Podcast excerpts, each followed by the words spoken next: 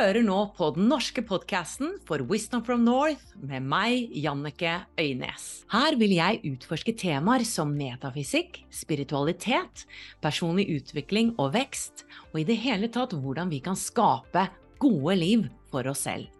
I Wisdom from North brenner vi for å hjelpe deg med å ta din spirituelle vekst til det neste nivået. Derfor samarbeider vi med noen fantastiske lærere og partnere som tilbyr gratis webinarer, klasser og meditasjoner. Gå til wisdomfromnorth.no slash gratis. Ansvarsfraskrivelse. Synspunktene og meningene uttrykket i denne podkasten tilhører gjestene og representerer ikke nødvendigvis de synspunktene eller posisjonene til Wisdom from North eller noen enheter de måtte representere. God fornøyelse! Hey, it's Ryan Reynolds, and I'm here with Keith, co star of my upcoming film, If, only in theaters, May 17th. Do you want to tell people the big news? All right, I'll do it. Sign up now and you'll get unlimited for $15 a month and six months of Paramount Plus Essential Plan on us. Mintmobile.com slash switch. Upfront payment of $45 equivalent to $15 per month. Unlimited over 40 gigabytes per month. Face lower speeds. Videos at 480p. Active Mint customers by 531.24 get six months of Paramount Plus Essential Plan. Auto renews after six months. Offer ends May 31st, 2024. Separate Paramount Plus registration required. Terms and conditions apply if rated PG. Here's a cool fact a crocodile can't stick out its tongue. Another cool fact you can get short term health insurance for a month or just under a year in some states. United Healthcare short term insurance plans are designed for people who are between jobs, coming off their parents' plan, or turning a side hustle into a full time gig. Underwritten by Golden Rule Insurance Company, they offer flexible, budget friendly coverage with access to a nationwide network of doctors and hospitals. Get more cool facts about United Healthcare short term plans at uh1.com. Hallo og hjertelig velkommen til en ny episode av denne podkasten. Det er en glede å være tilbake igjen. Og jeg har så lyst til å bare takke for alle de gode tilbakemeldingene. Fordi som jeg delte i episode én, så var jeg jo litt nervøs for dette her. Jeg hadde veldig prestasjonsangst og gikk veldig mye mer inn i frykten enn gleden. Men nå har jeg sluppet gleden løs, funnet mitt indre barn og leker meg veldig og koser meg med denne podkasten. Og jeg setter også veldig pris på alle de koselige mailene jeg har fått, og meldingene om at mange av dere virkelig setter pris på dette. Og jeg har også lyst til å be om litt hjelp hvis dere setter pris på podkasten. Så gi oss gjerne full score, eh, masse stjerner. Og en omtale også, fordi at det hjelper podkasten å nå ut til flere. Og jeg gjør jo ikke dette bare for gøy, jeg gjør det egentlig fordi dette er min livsoppgave, og jeg ønsker å hjelpe mennesker gjennom dette materialet. For eksempel i dag så får du et intervju med Mikael Levibe. Og dette er et intervju som jeg har gjort tidligere med han. Jeg var og besøkte han. Han er en fantastisk mann. Og når jeg nå lyttet selv tilbake til dette intervjuet, så syns jeg det var så utrolig mye verdifullt som Mikael sa, som hjalp meg nå. Eh, selv om jeg har gjort dette intervjuet tidligere, så glemmer jeg jo gjerne hva jeg har snakket med de forskjellige lærerne om, ikke sant. For det er ofte at jeg er der i øyeblikk, og så lærer jeg noe der og da, og så, så går det litt i glemmeboken. Og det er så fint med repetisjon, fordi at jeg som har intervjuet over 400 lærere, jeg har jo en stor, stor verktøykasse med masse forskjellige verktøy og innsikter og perspektiver, men jeg glemmer jo masse av dem. Og da er det like berikende for meg å gå tilbake til gamle samtaler og høre hva disse fantastiske lærerne faktisk sa. Og bare dette intervjuet kan virkelig hjelpe flere mennesker. Så det er min lille bønn til dere. Hvis du liker denne podkasten, så slå til, gi oss masse stjerner og skriv en omtale. Tusen takk, kjære deg. I dag så skal du da få møte Mikael De Vibe. Han er utdannet allmennlege og familieterapeut, og han har forsket på metoder for stressmestring og oppmerksomhetstrening, såkalt mindfulness, i mange, mange år. Og han har gjort det til sin livsoppgave å spre denne terapeutiske metoden som oppmerksomt nærvær er. Og det jeg blant annet var litt nysgjerrig på å lære om først i dette intervjuet, det var hva har mindfulness, altså det indre arbeidet Michael har gjort med mindfulness, da, hvordan har det endret hans liv? For det syns jeg er litt viktig. Når en lærer snakker om en metode, hva er forskjellen på livet deres før denne metoden, eller måten å tenke på, eller hva det nå er, og etterpå? Vi snakker også om angst, og Michael sier at angst er en verdifull energi. Interessant. Glede til å høre mer om det. Vi snakker om reptilhjernen, hvordan det fungerer, hvordan den påvirker oss. Vi snakker også om tankestress, hva vi kan gjøre med det. Og jeg spør jo da om kommer tanken før følelsen, eller følelsen før tanken? Hva tror du, kjære lytter? Og vet du hva? Jeg har stilt dette spørsmålet før til mange. Jeg har lyst til å dele at jeg gikk på lærerhøgskolen i fire år, studerte til å bli lærer, og der var det en dame som holdt foredrag, og så sa hun tanken kommer foran følelsen. Så rakk jeg opp hånden og så sa jeg er du sikker på at det er sånn? Ja ja, sånn er det, tanken kommer før følelsen. Ja, men kan du være helt sikker på det, sa jeg. Og da, det var en sal med 400 mennesker, og jeg var jo ikke sky, vet du. Men det var nok fordi at eh, jeg var rundt 30 år da jeg begynte å studere til å bli lærer, så jeg var ikke så innmari redd for å stille spørsmål, mens 20-åringene de turte ikke å stille så mye spørsmål. Så jeg bare Men er du helt sikker på det, hvordan kan du vite det? Nei, det er bevist, og så videre. Og så har jo jeg da stilt dette spørsmålet til 18 lærere etterpå, og jeg får alltid ulike svar. Så dere kan jo da være nysgjerrig på hva Mikael sier, men jeg har lyst til å spørre dere, hva tror du? Og skriv gjerne til meg på Facebook eller Instagram når jeg deler denne podcast-episoden hva du tror. Kommer følelser før tanker, eller tanker før følelser? Eller er det det samme som å spørre hva kommer først, høna eller egget? Kanskje ikke er noe svar. Anywho, dere. Vi skal også snakke masse om følelser i dag. Hvorfor det er så viktig å gi oppmerksomhet til følelsene våre. Men nå skal jeg ikke skravle mer, for nå skal du få møte Mikael de Vibe, God fornøyelse. Hei og velkommen skal du være. Mange takk. Mange takk. Du har jo en lang, lang erfaring med mindfulness, og jeg føler at du på en måte er en av de fremste lærerne på området. Jeg har lyst til å bare hoppe rett inn i egentlig hva mindfulness har gjort med deg i ditt liv, og hvordan det har på en måte bedret ditt liv. Fordi jeg så en video du gjorde hvor du sa at det er ikke noe poeng å praktisere dette om det ikke gjør noe forskjell. Ja, jeg tenker at uh, vi praktiserer uh, formelt og uformelt, men poenget er jo at det skal påvirke livet. mitt forhold til meg selv, mitt forhold til mine nærmeste og mitt forhold til verden. Jeg tenker at de tre relasjonene er helt sentrale. Og jeg Eh, opplever at det har endret eh, mitt forhold til meg selv. Eh, jeg tror jeg er litt snillere mot meg selv i dag. Og så tror jeg at jeg tar meg selv mindre høytidelig. det er ikke så farlig. Eh, det er ikke så farlig. Vi trår alle feil, og vi, eh, vi prøver, og så feiler vi. Og så prøver vi igjen. Eh, og jeg tror jeg har større toleranse for det enn jeg hadde før. Da var jeg strengere. Og så tror jeg at det har påvirket Eh, min måte å være i forhold til mine nærmeste. Kanskje både at jeg er litt mer tolerant overfor dem nå enn jeg var.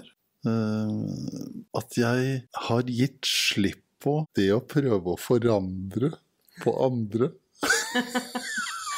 Ja, det er en dårlig uvane vi kanskje har av og til. ja, jeg tror det er uh, Vi prøver veldig på det. Mm. Uh, vi vil gjerne at folk skal være like oss selv, ikke sant.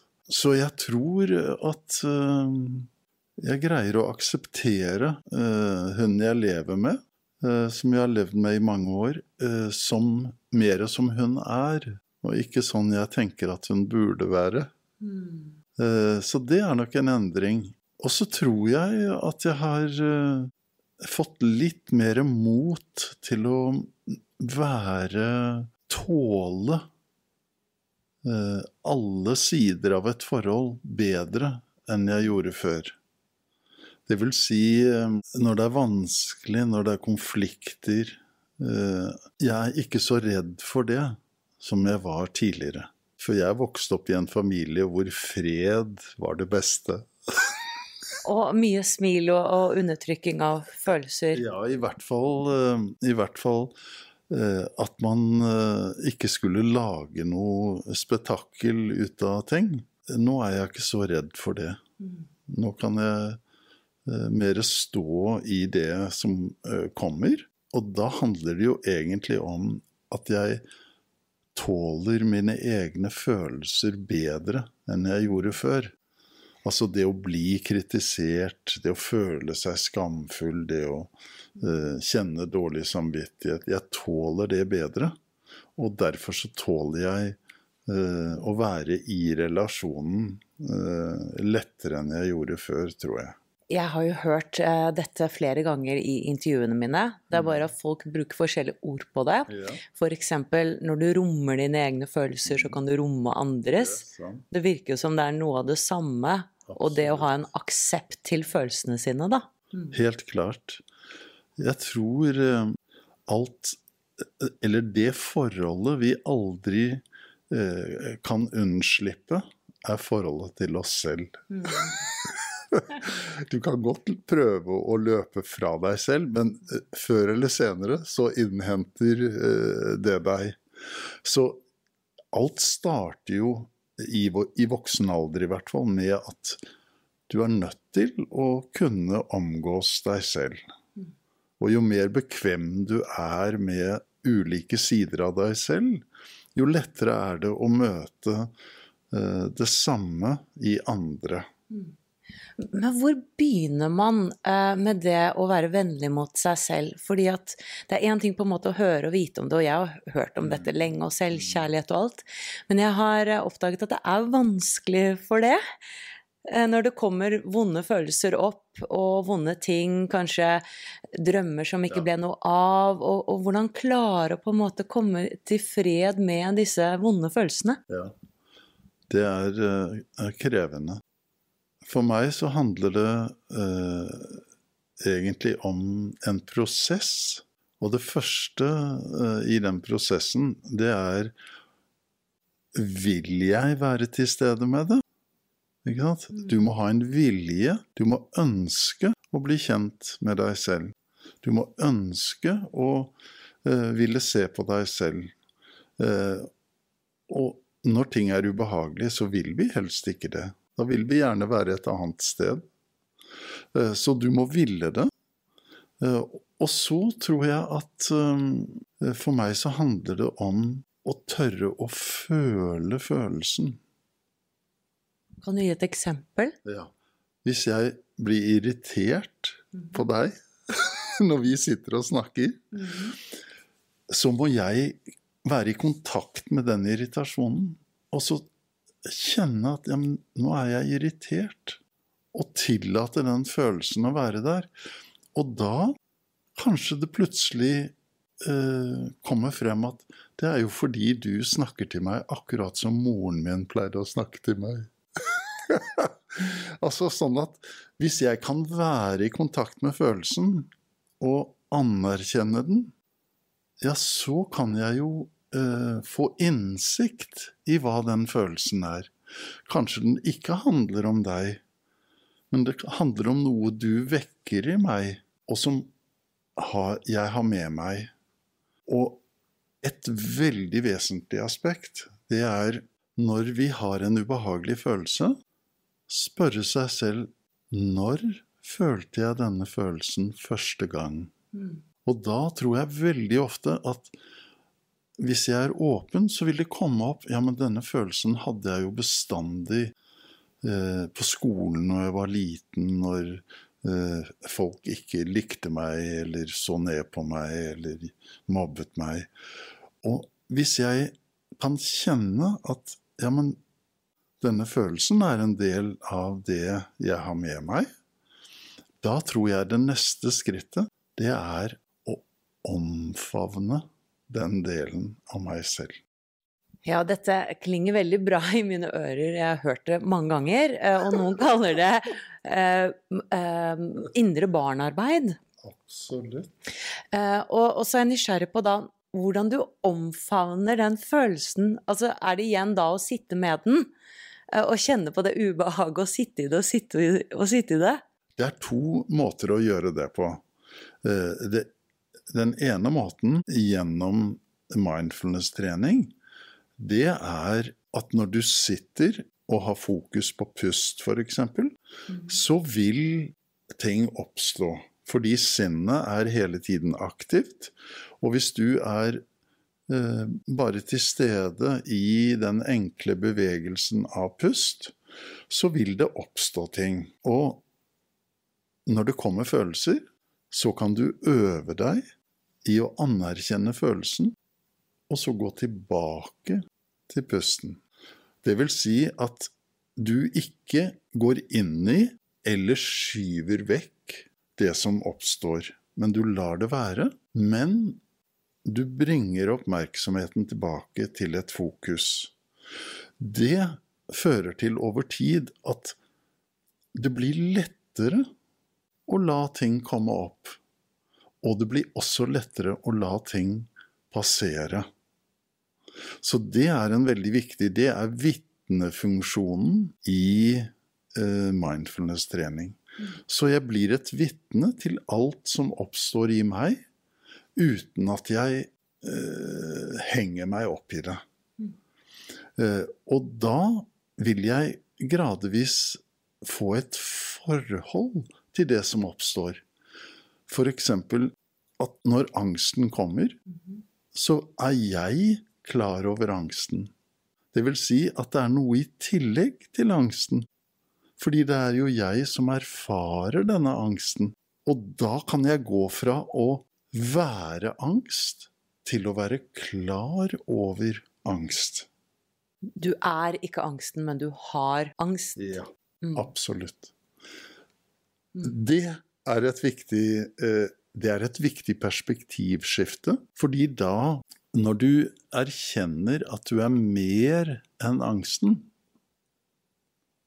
da har du et holdepunkt i deg selv som gjør at det er lettere å tillate angsten å komme. Og da, etter hvert som du øver, og den angsten kommer og går, som den har gjort for meg i mange, mange år, Ja vel. Fremdeles, eller? ja, i mindre grad nå, men når jeg var ung, så hadde jeg mye angst. Og eh, etter hvert så, eh, så kan jeg Jeg har ikke noe eh, negativt forhold til den følelsen. Den kan få lov å komme. Angst er verdifull energi. Er det det? Ja. Hvordan da? Eh, Hvis du tenker på veldig mange ting du har fått til i livet ditt Du fortalte meg du var skuespiller. Du ville, du ville neppe fått til gode prestasjoner hvis ikke du var også samtidig var engstelig når du skulle ut og, øh, og, opptre. Og en premiere, eh, prøver? Så det er energi i angsten. Og hvis du kan tillate den, så kan den være en motivasjon. Og jeg tror i forhold til mindfulness-trening den beste motivasjonen er lidelse. Den beste motivasjonen for å begynne med mindfulness? Ja, og for å holde på. Huff a meg. Eh, eh, Lidelse i den forstand at det er noe som eh, plager deg. Det er noe som uroer deg. Det er noe det, det, Du kjenner at det er et eller annet som du eh, Som hele tiden henvender seg til deg. Og det gjør at du går videre. Ikke sant? Du søker videre. Ja, men hva er dette? Hvordan kan jeg møte dette? Hvordan kan jeg komme gjennom det? Så hvis alt er bra i ditt liv, og du er helt fornøyd med alt, hvorfor skal du sette deg på puta og trene nærvær? Og vi viste i vår undersøkelse eh, Jeg eh, har gjort en stor undersøkelse på medisin- og psykologistudenter. Ja, det er doktorgraden din. Ja. Ja, gratulerer, by the way. Ja, det, og, det, og vi holder på med den fortsatt. Eh, og da har vi fulgt de i seks år. Og det vi ser, det er at de som hadde best nytte av treningen, det var de som var mer sårbare. Og skårte høyt på sårbarhet og samvittighetsfullhet. Det vil si de veldig flinke guttene og jentene. For de er ofte selvkritiske, de har en tendens til å dømme seg selv, de har høye ambisjoner. Og for dem så fremstår mindfulness som noe veldig annerledes. Nemlig å ja, men skal jeg bare la ting komme? Skal jeg akseptere meg selv sånn jeg er? Skal jeg tillate det som er der, å være der? det er en annen holdning. Og det tror jeg eh, eh Ever catch yourself eating the same flavorless dinner three days in a row? Dreaming of something better? Well, HelloFresh is your guilt-free dream come true, baby. It's me, Kiki Palmer. Let's wake up those taste buds with hot, juicy pecan-crusted chicken or garlic butter shrimp scampi. Mm. Hello Fresh. Stop dreaming of all the delicious possibilities and dig in at HelloFresh.com. Let's get this dinner party started.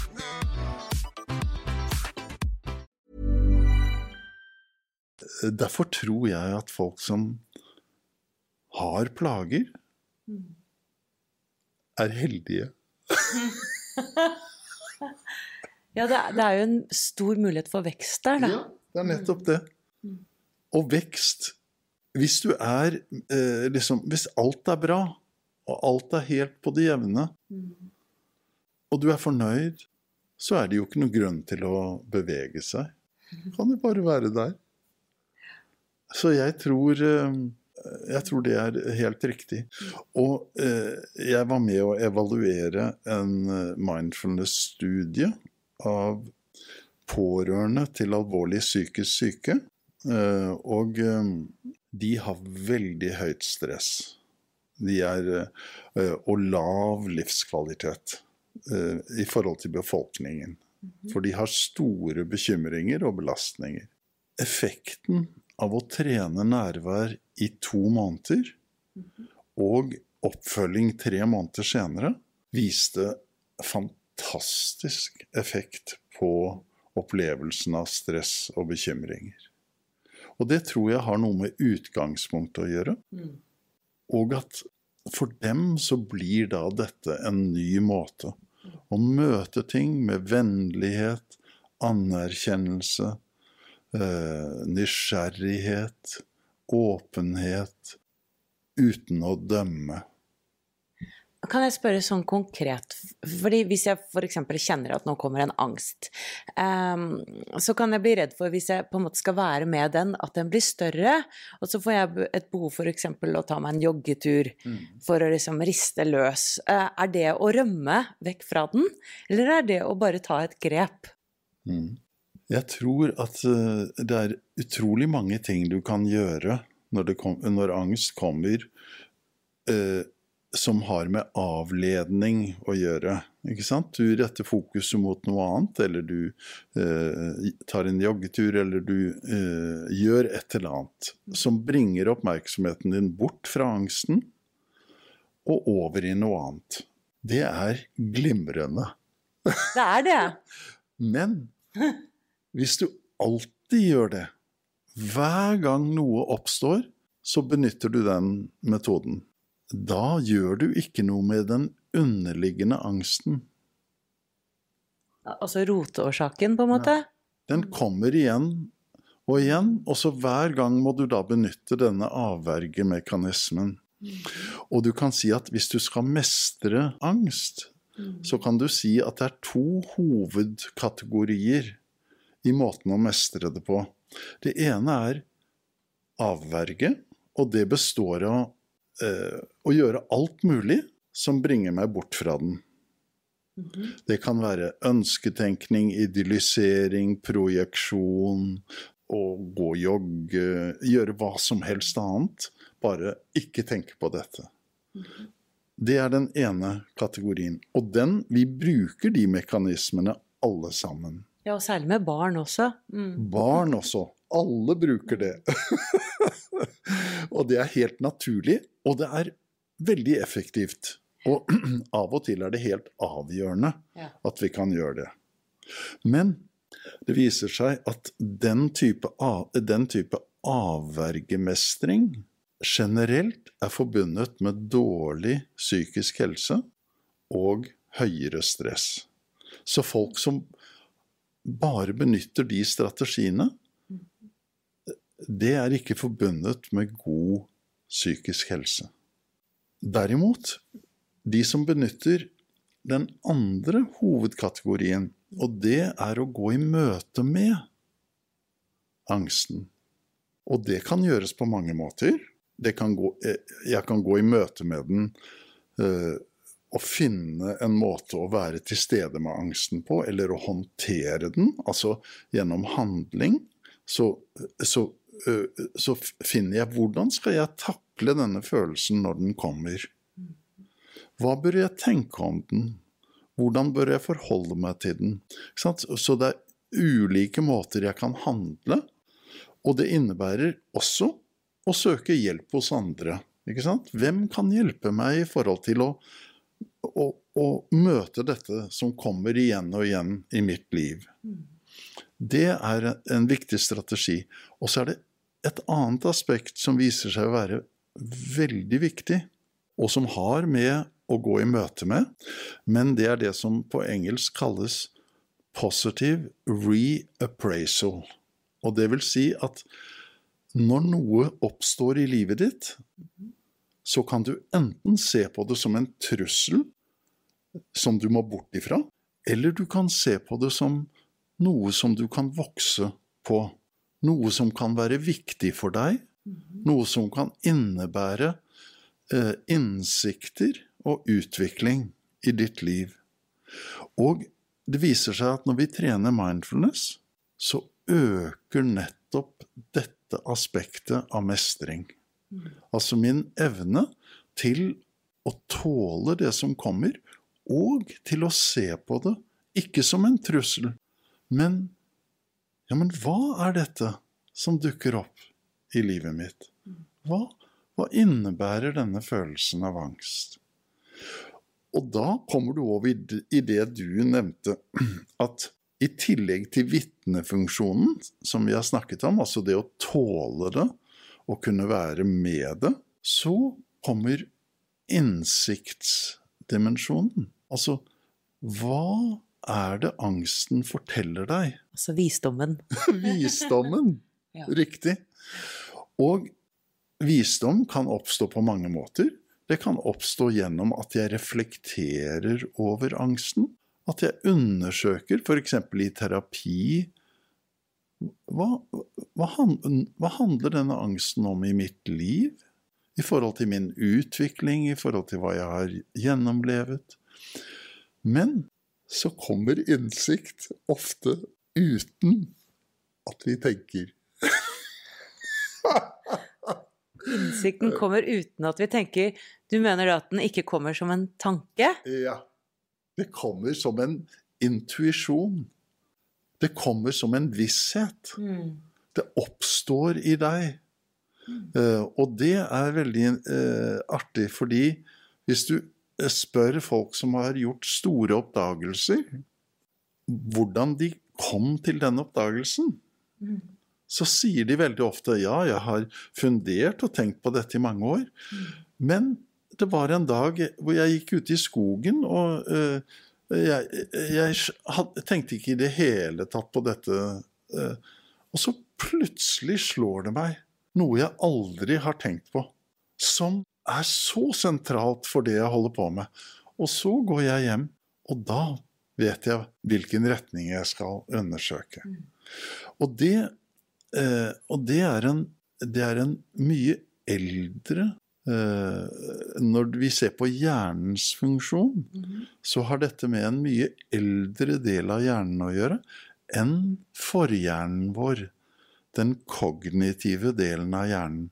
Den som analyserer og setter merkelapper og sammenligner med det du har vært med i før, og liksom uh, prøver å jobbe gjennom problemet.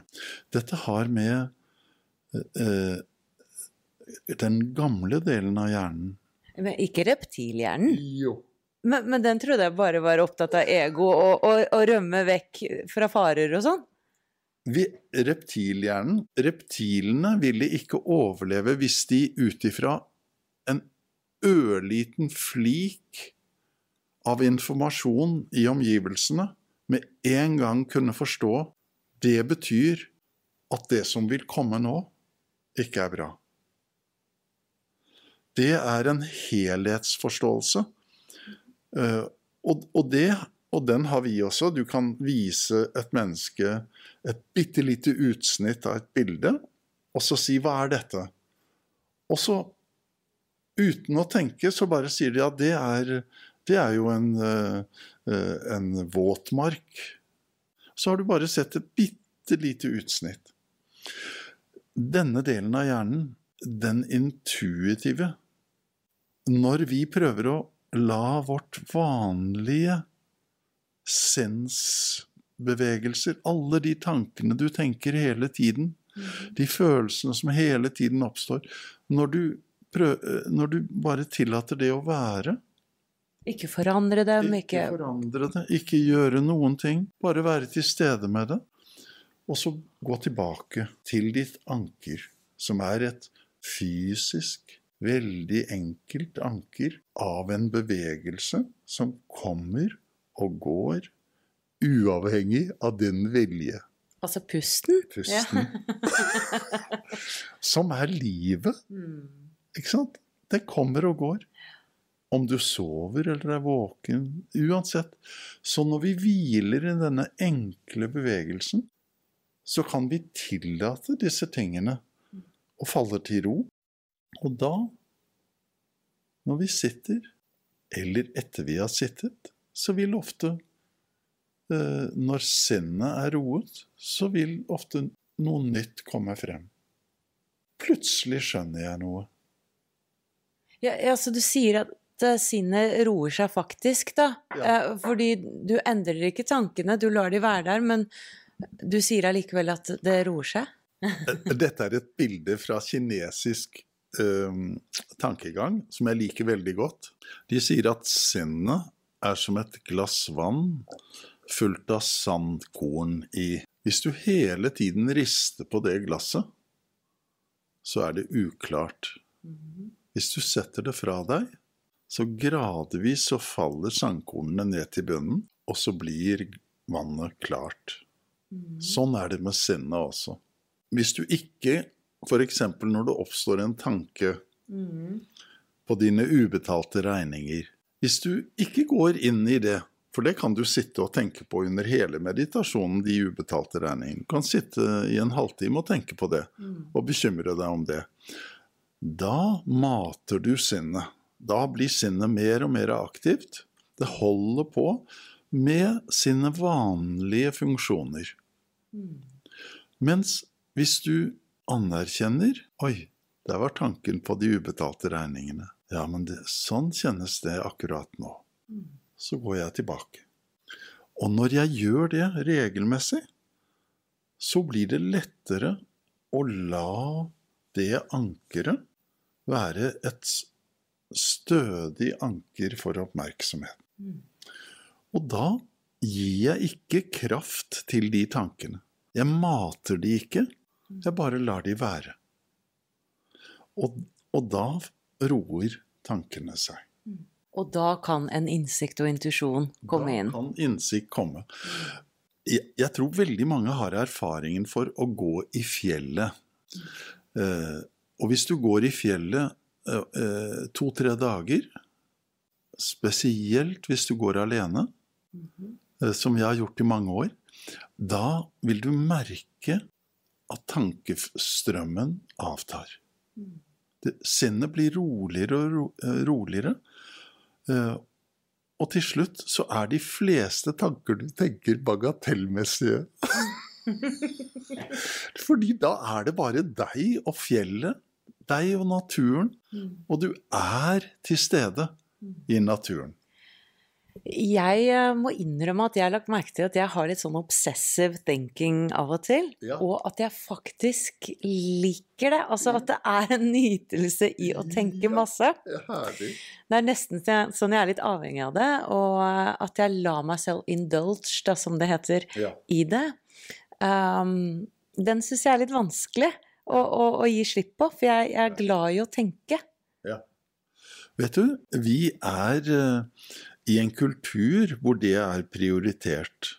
Per Fugelli sier vi lever i en ADHD-kultur. En hyperaktivitetskultur. Mm. Og vi får stimuli hele tiden, og sinnet vårt er veldig aktivt. Mm. Og det er jo det første folk oppdager når de setter seg ned for å øve. Det er jo hvor utrolig aktivt sinnet er. Det er de ikke oppmerksom på før de setter seg ned. Fordi til vanlig så bare følger vi den strømmen. Og hvis du da skal gi slipp på den strømmen, det er ganske vanskelig. Fordi vi er vant til det. Det er en vane. Og sinnet er på en måte avhengig av det. Ja, for å opprettholde sin opprettholde strøm, sin så aktivitet. Mm. Så må det holde på. Mm. Og det er så Du kan tenke på det litt som et bål. Og hvis, hvis ikke du legger noe på bålet, ja, så vil uh, flammene gradvis uh, avta. Men hvis du hele tiden fyller på, ja, så holder det på. Og det er jo det som gjør at folk, når de har vært veldig aktive om dagen og kommer til kvelden og natten, greier ikke skru av den strømmen. Og selv om de sovner, så fortsetter sinnet like aktivt. Også når de våkner om morgenen, så kjenner de at 'jeg er ikke uthvilt'. Jeg er rett og slett sliten. Fordi vi lever i denne strømmen hele tiden. Vi greier ikke ta en timeout, en pause, og komme over i det jeg kaller væren. Å være til stede.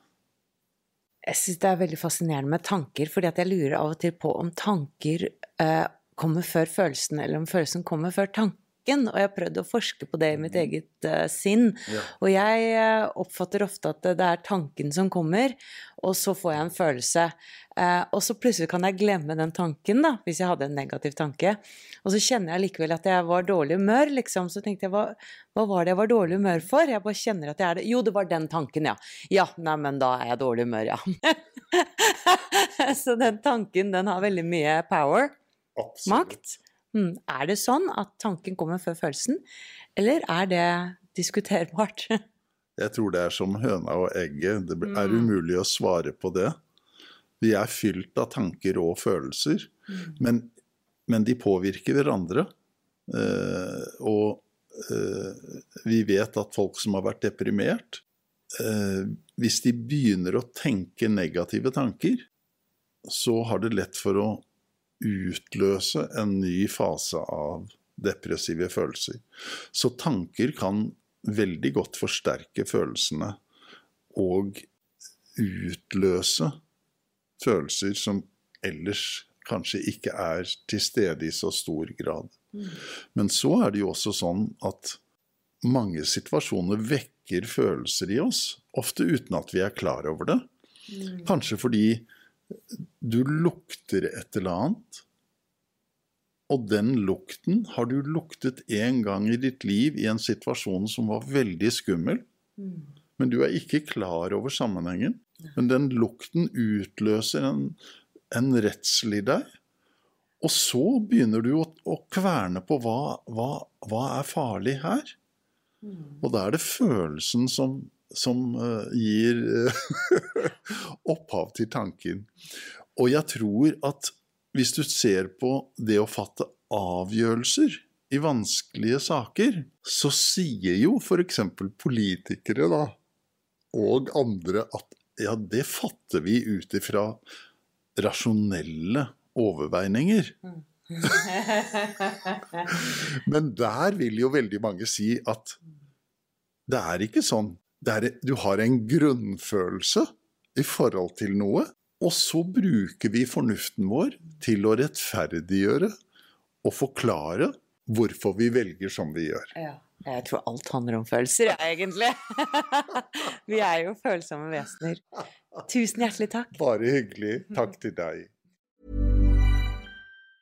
Ever catch yourself eating the same flavorless dinner three days in a row? Dreaming of something better? Well, HelloFresh is your guilt-free dream come true, baby. It's me, Gigi Palmer. Let's wake up those taste buds with hot, juicy pecan-crusted chicken or garlic butter shrimp scampi. Mm. Hello Fresh. Stop dreaming of all the delicious possibilities and dig in at HelloFresh.com. Let's get this dinner party started. The secret to summer ready skin is here. Osea's number one best selling Andaria algae body oil, clinically proven to instantly improve skin elasticity and transform dry skin to silky, soft, and unbelievably glowing. Its signature scent of freshly squeezed grapefruit, cypress, and mango mandarin transports you to sun kissed summer days. Get healthy, glowing skin for summer with clean vegan skincare from Osea. Get 10% off your first order site wide with code GLOW at OseaMalibu.com.